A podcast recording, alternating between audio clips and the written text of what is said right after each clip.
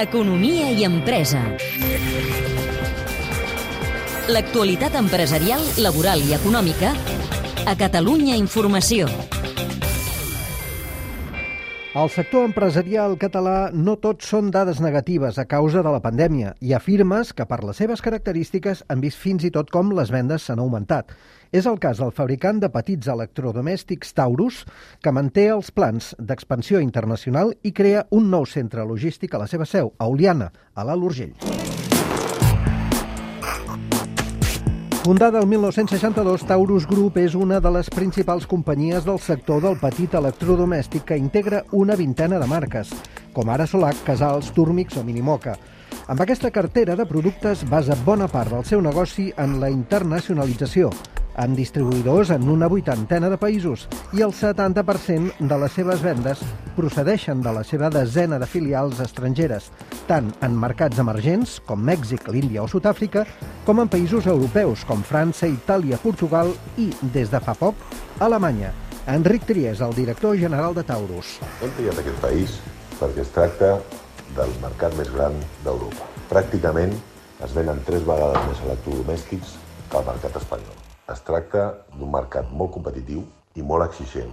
Hem de ser capaços d'oferir productes de gran qualitat. En el nostre cas, la MyCook, el robot de cuina intel·ligent, totalment connectable, amb wifi i amb pantalla digital de gran format. Esperem aprendre molt d'aquesta nova filial. Però el full de ruta d'internacionalització del grup Taurus no s'atura a Alemanya. Ara planeja augmentar la seva presència als països del nord d'Àfrica o de l'est d'Europa. El proper país on obrim filial és Polònia. Polònia ha de ser el trampolí per la nostra introducció en altres mercats d'Europa de l'Est. I si parlem de mercat exterior, una pregunta que ens fem ara és els afectarà el Brexit? Des de la posició del grup Taurus confiem en que el seu impacte serà menor ja que no representa una barrera real en la distribució i comercialització dels nostres productes al mercat anglosaxó. I l'expansió internacional d'una empresa, com és el cas de Taurus, necessita, òbviament, un bon suport logístic des d'aquí per proveir un mercat que creix. I aquí també parlem d'expansió, perquè amb aquesta finalitat l'empresa acaba d'engegar les obres d'un nou centre logístic a Oliana. Un dels èxits del grup Taurus ha sigut mantenir el nostre centre neuràlgic a Oliana, on són les nostres arrels, i on vam néixer ara fa prop de 60 anys. Als 15.000 metres quadrats d'aquest nou centre d'Oliana se sumen els 20.000 actuals.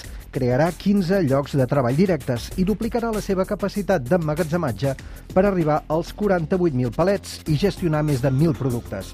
En parla Joan Bassaganya, un dels propietaris de Taurus. Amb una inversió directa eh, de 4 milions d'euros que inclou per una part doncs, tota la part de que és infraestructura i més important l'adaptació a la indústria 4.0 perquè volem que sigui un magatzem intel·ligent en el qual amb intel·ligència artificial optimitzem tot el que és la, el, la, la, el magatzematge i la logística d'entrega en totes les plataformes online que avui tenim existents al mercat. I totes aquestes apostes de Taurus estan avalades per les últimes xifres de negoci, tot i que al començament de la pandèmia la companyia va haver d'aplicar un ERTO que es va allargar fins al maig de l'any passat. Després, les vendes van remuntar, amb un creixement del 30%. El director general de Taurus, Enric Tria, li dona aquesta explicació. El sector de l'electrodomèstic no s'ha vist tan afectat com d'altres, com ara la restauració, ja que els petits electrodomèstics són molt útils en l'àmbit de la llar, on ara passem la major part del temps.